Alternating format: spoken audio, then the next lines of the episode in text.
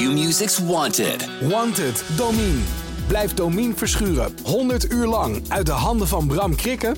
Voorspel en maak kans op 10.000 euro. Volg het vanaf 13 mei bij Q-Music.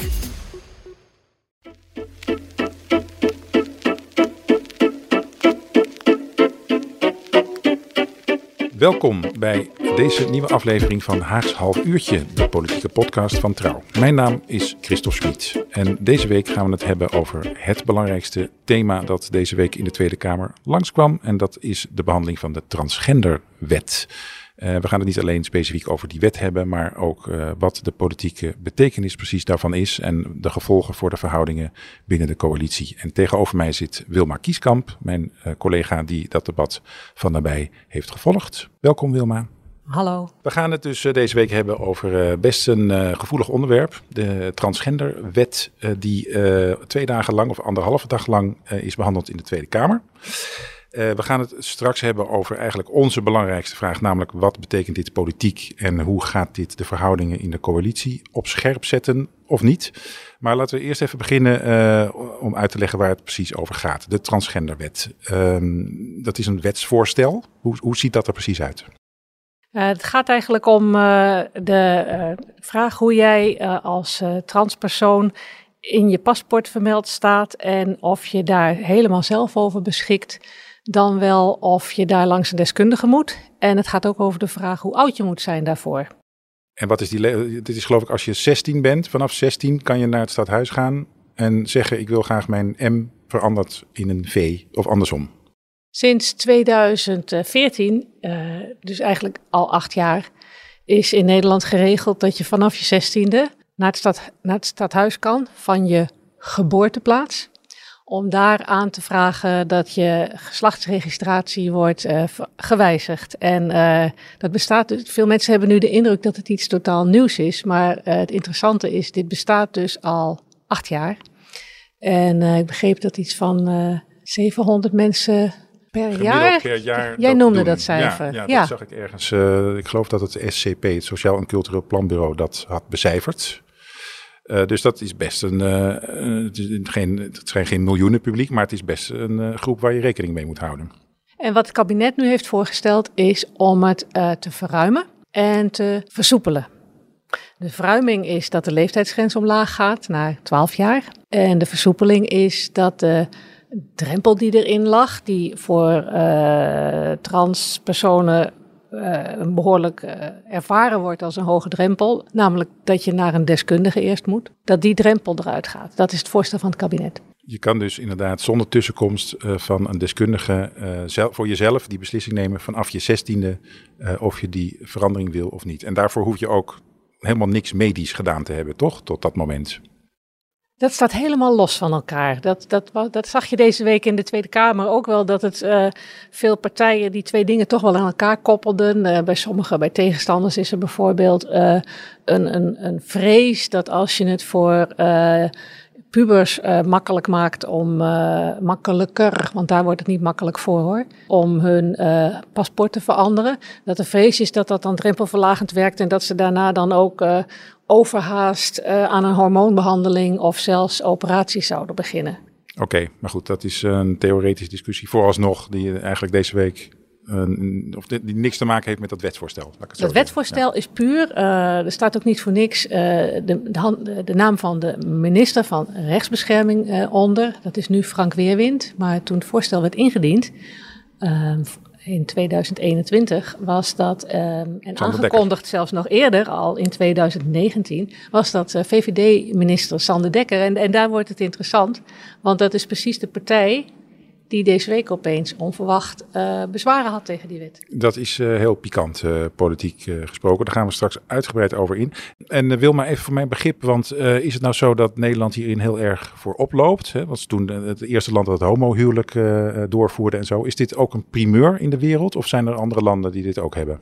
Ja, dat vroeg ik mezelf ook af. En mijn beeld was aanvankelijk, hier zullen we wel in voorop lopen. Maar dat, dat is dus in dit geval Anders dan bij het homohuwelijk is dat niet zo. Er zijn negen landen in uh, Europa, onder waaronder het, het uh, katholieke Ierland en het katholieke Malta, landen van wie het niet meteen verwacht. En die landen schijnen wel verschillende vormen te hebben van leeftijdsgrenzen of criteria. Dus het is niet allemaal vergelijkbaar, maar zijn er wel behoorlijk veel. Oké, interessant hoor. Dat, dat wordt zo'n zo'n beeld van Nederland als vooroploper, maar dat is nu niet helemaal zo. Je noemde net al de rol van de VVD. Sander Dekker, die in het vorige kabinet als VVD'er dit uh, aanzwengelde. En deze week eigenlijk een heel andere uh, gedaante aannam als partij. Kun je daar even iets over vertellen? Uh, ja, ik vind het wel leuk om nog even terug te gaan naar die VVD. Want wat, wat ook veel mensen niet weten is dat diezelfde Sander Dekker, misschien even noemen hier, ook zelfs excuses heeft aangeboden in 2021 aan de transgendergemeenschap voor de manier waarop de vorige transgenderwetten in Nederland um, uh, eruit zagen. Uh, mensonterend noemde het kabinet dat, dat zelfs. Um, er waren toen eisen aan uh, transgenders. Je mocht je paspoort alleen uh, veranderen als je eerst een sterilisatie had ondergaan. Dus mensen werden echt verplicht om, om ze, uh, die hele ingrijpende beslissingen over uh, wel of geen kinderen krijgen te nemen. En daarvoor heeft het kabinet excuses aangeboden. En uh, waarschijnlijk had Nederland ook al wel iets eerder deze wet aangeboden um, gekregen. Waar het niet dat die lange kabinetsformatie er tussendoor is gekomen. Ja, precies. Uh, normaal gesproken was dit vorig jaar al uh, uh, mm -hmm. goed dan ja. wel afgekeurd. Ja, en dan, ja, dan zitten we nu opeens in de situatie. Er is eerst dus een minister van de VVD die in de ridderzaal in een hele plechtige bijeenkomst die excuses aanbiedt. Dit is minder dan een jaar geleden. En je zou dan denken. Um, ja, dit is voor, die, voor het kabinet en ook voor de vier partijen die in dat kabinet zitten zo'n grote zaak. Um, dan komt er nu een, een, een, een wetsvoorstel waar ze met z'n vieren ook achter staan. En, en dat was wel de grote verrassing deze week. Dat bleek dus uh, totaal niet het geval te zijn. En, maar met z'n vieren, uh, de ChristenUnie zit er wel iets anders in, denk ik, uh, dan de andere drie. Ja, dat, ja okay. dat zeg je terecht, Dat terzijde. Ja. Maar dan misschien in elk geval de andere drie zou je misschien verwachten.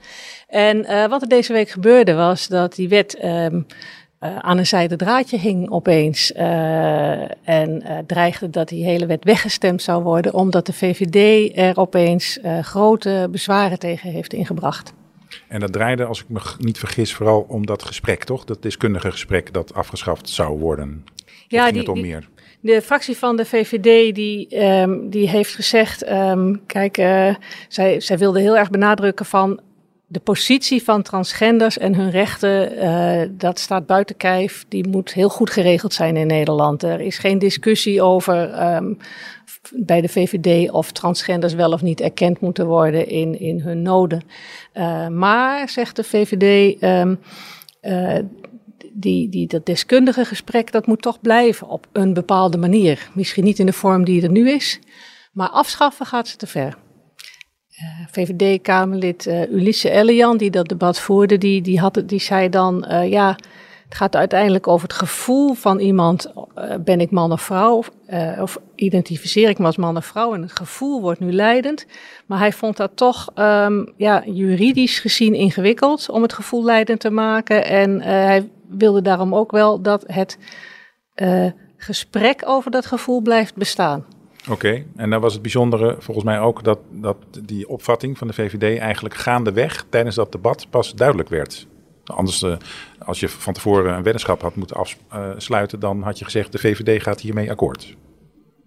Maar het liep toch anders. Ja, de laatste tijd trekken VVD en D66 uh, heel vaak met elkaar op. Als het gaat bijvoorbeeld om medische ethiek, uh, dan zeggen ze wij willen voorop lopen, wij willen uh, nieuwe stappen zetten.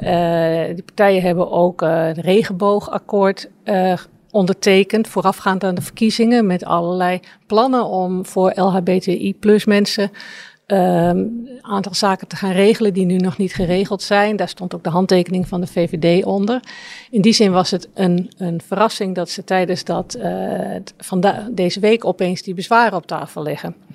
Uh, gebeurt niet zo vaak. Uh, zegt misschien ook iets over dat in Nederland in coalitieland vaak zaken zo afgetimmerd zijn dat wij dat als journalisten en publiek en kiezers ook niet meer helemaal gewend zijn dat er zulke verrassingen uh, zich voordoen.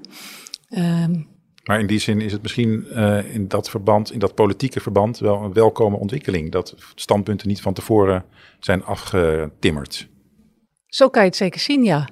Um, een, een verklaring hiervoor is uh, dat binnen de uh, regeerakkoord hierover niets is afgesproken. En dat je momenteel wel ziet in de Tweede Kamer dat er meer open debat is over onderwerpen die uh, niet in het regeerakkoord uh, in beton gegoten zijn. Daar, daar was dit wel een vorm van. Oké, en nog even terugkijkend naar dat debat dat jij hebt gevolgd. Waren er momenten dat jij op het puntje van je stoel ging zitten? Wat, wat waren de meest opvallende sprekers of, of momenten?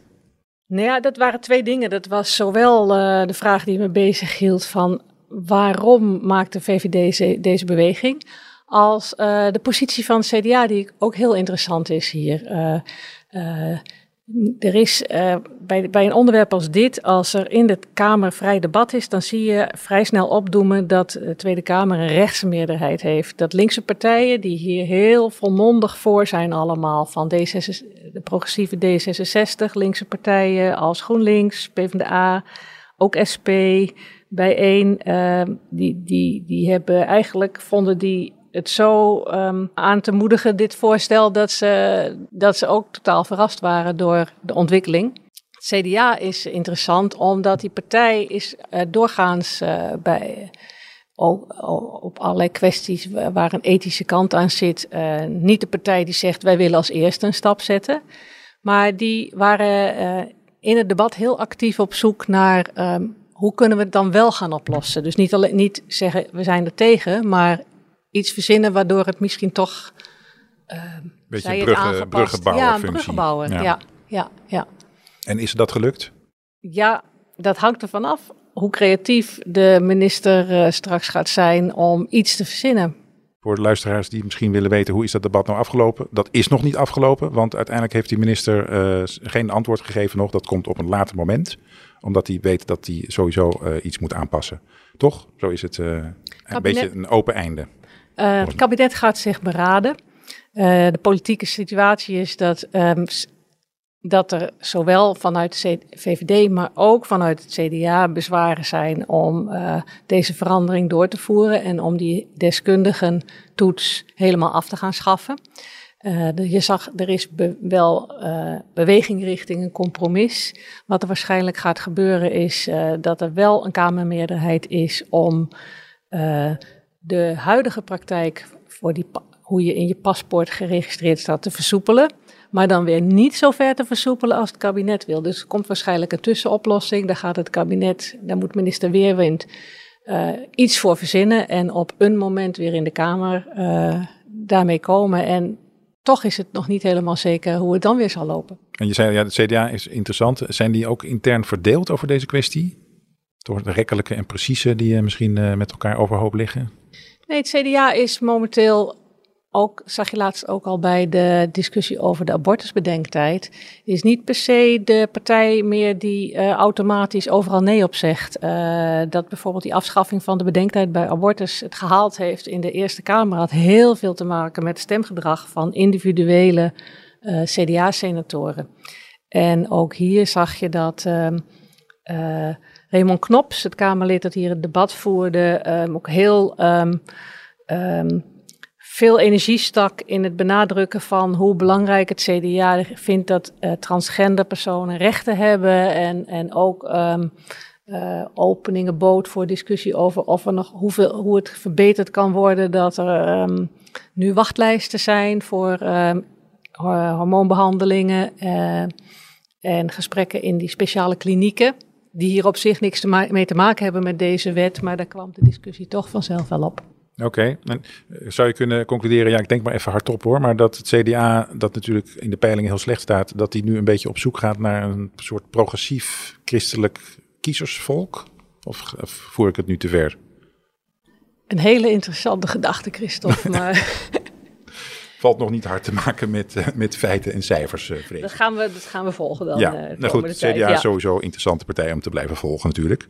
Um, Jij zei net, uh, Wilma, dat uh, D66 en de VVD voor de verkiezingen heel erg samen optrokken op dit front, met de, die regenboogcoalitie.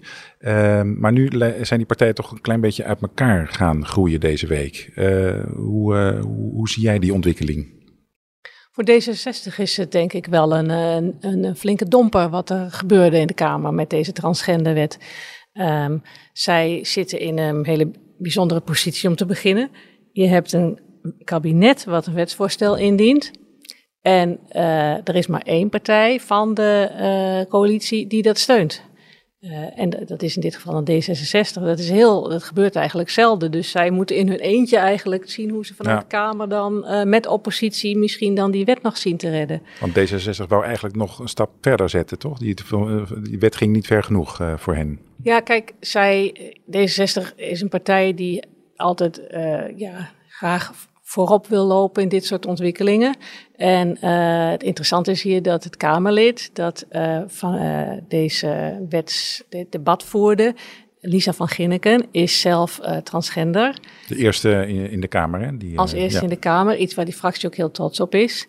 En um, um, voor, ja, voor die partij die fractie vindt het ontzettend belangrijk dat die uh, verandering er komt voor uh, dat je je paspoort eenvoudig aan kan passen. Uh, leidde trouwens tot hele mooie debatten gis gisteren, waar, waar je dan soms situaties had waar je dan deze, dit Kamerlid van D66 in debat zag gaan met bijvoorbeeld SGP of Forum voor Democratie, partijen die gewoon keihard um, het, het transgender zijn um, ontkennen en afwijzen. En toch was het op een bepaalde manier een respect, respectvol debat. Uh, dat even terzijde. Ja. Um, kijk, voor D66 is natuurlijk zuur dat zij nu niet weten of, of dit doorgaat. Um, als er een compromis komt, is het misschien voor het kabinet politiek wel gered. Maar het is toch, ja, er komt dan toch iets halfbakkens uit. Er blijft, transgender personen moeten dan straks waarschijnlijk nog steeds een vorm van een gesprek gaan voeren. Uh, misschien gaat de verplichting iets minder hard worden, of misschien is het niet, gaat, de, gaat de criterium eruit dat formeel de deskundige de beslissing neemt. Hoewel in de praktijk die deskundige nu ook nooit uh, zo'n verzoek afwijst. Nee, we hadden deze, krant, deze week in de krant uh, inderdaad uh, een van die uh, specialisten. Ik weet niet precies wat, hoe, hoe dat beroep heet, maar die voerde dat soort gesprekken. En die zei van ja, die mensen die zijn altijd, altijd volledig overtuigd van hun beslissing. En er is nog nooit iemand afgewezen. Dat vond ik ook wel opvallend. dat die mensen zich eigenlijk terugtrokken uit, uit het systeem. Dat zie je ook niet zo vaak. Ja, en voor, kijk, en voor zo in, Lise van Ginneken, D66-Kamerlid, benadrukte heel erg dat uh, zij zien het als um, een verandering die nodig is, omdat je eigenlijk, zolang je een drempel erin blijft houden, zij ja, dat pas je, dan blijf je toch eigenlijk nog steeds kijken naar transgender personen alsof ze een stoornis hebben, waar ze, dat ze dus vanuit een bepaald ziektebeeld uh, dat idee hebben dat ze anders zijn dan hun biologische geboorte, geslacht. En dat je ze daarbij dan moet, ja, dat een deskundige daarover moet oordelen. En ze zei, ja, dat dat is toch eigenlijk nog, um, zoals er ooit ook in de Tweede Kamer over homoseksualiteit werd geoordeeld. Mm-hmm. Dus voor hen is het, voor die fractie is dat wel een heel principieel punt, net zoals het voor veel linkse partijen die dit steunen ook een, in die zin heel principieel is van je moet dat daar gewoon uh, helemaal weg gaan halen, die drempels. En, en even weer een, een, algemeen politieke vraag, maar uh, hoe, hoe vaak gebeurt het eigenlijk dat een partij in de coalitie een andere weg opgaat dan bij het aangaan van de coalitie was verwacht, zoals de VVD deze week deed? Ja, dat je die vraag stelt, hoe vaak gebeurt het? Dat, gebeurt natuurlijk inderdaad niet zo vaak. We zijn afgelopen jaren gewend geraakt aan uh, dichtgetimmerde regeerakkoorden, waarin dit soort verrassingen niet gebeurden. Nu is het wel zo dat bij onderwerpen waar, uh, waar een ethische of morele dimensie aan zit, en dat, dat, dat is dit wel, dit juridisch-moreel debat is dit, um, daar is het vaak wel wat vrijer. Um, desondanks blijft het gewoon heel bijzonder.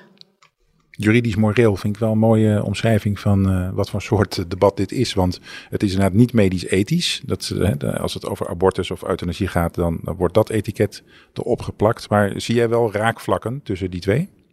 De, ja, de overeenkomst is natuurlijk dat je wel ehm, een soortzelfde scheidslijn in de Kamer ziet als bij debatten over medische ethiek, waar de progressieve partijen staan tegenover de conservatieve partijen. Dit keer dan met de VVD uh, in, een, in een wat verrassende rol. De VVD kreeg ook heel veel kritiek. Um, uh, GroenLinks zei ook, uh, dit, dit, dit past toch helemaal niet bij een liberale partij. Dus die fractie sloeg de VVD daar flink mee om de oren dat, die, uh, dat het zoiets als het aanvragen van je paspoort, dat je daarvoor langs een deskundige moet, of aanvragen van je identiteit en je paspoort moet ik natuurlijk zeggen. Um, het verschil is wel bij medische ethiek uh, geldt meestal de uh, regel dat Kamerleden individueel mogen stemmen naar hun geweten. Vrije keuze heet dat vrij, dan, hè? vrije ja. kwestie. Of vrije kwestie, sorry. Ja. Um, hier gaat gewoon per fractie gestemd worden over dit voorstel. En in die zin um, gaan straks ook VVD en CDA gewoon als fractie beslissen, als dat nieuwe voorstel er gaat komen, of ze dan alsnog ja gaan zeggen, of dat ze opnieuw bezwaren gaan inbrengen, of dat de minister misschien weer iets moet veranderen, of dat ze zelf nog met tegenvoorstellen komen. Maar dat gaat, um, ga, het is in die zin wel een wat politieker debat dan bij medische ethiek. Waar partijpolitieker. Partijpolitieker, ja. precies. Maar inderdaad, waarom maken ze dit ook niet tot vrije kwestie? Want het is toch een uitgelezen onderwerp uh, om per individu uh, je mening te bepalen. Ze, of ja. Ze, ja, zouden ze eigenlijk ja. bij alle, alle onderwerpen toch ja. moeten doen, vinden wij toch? Uh, zeker. Maar goed, dan krijg je al die hoofdelijke stemmingen die uren duren. Maar goed, dat is een ander probleem. Het is, hier, het is ook niet medisch dit, hè? dus het gaat... Het gaat niet over leven en dood. Nee. Um, het gaat niet over. Um, uh, ja. Het gaat eigenlijk gewoon om een administratieve handeling uiteindelijk. In de burgerlijke stand. Ja, dit, ja. dit moet je misschien meer vergelijken met uh, toen het homohuwelijk kwam. Hè. Het was ook een juridische um, wijze, verandering van het burgerlijk wetboek. die had wel heel veel te maken met het toekennen van rechten aan groepen die eerder die rechten niet hadden. Uh, het debat had ook uh, allemaal morele dimensies. Um, maar het gaat niet over leven en dood, zoals je, nee. zoals je stelt. Nee. nee. Hey, um, als je de sociale media uh, kijkt, en de, de, reacties daar zijn natuurlijk wisselend van kwaliteit. Maar als de reacties op dit debat, daar zag je een hele scherpe tegenstelling. De bekende tegenstelling tussen mensen die aan de rechterkant zeggen van wat een woke gedoe is dit allemaal. en andere reacties helemaal aan de linkerkant die het juist opnemen voor deze wet. Heb je dat ook in dat debat teruggezien, die tegenstelling?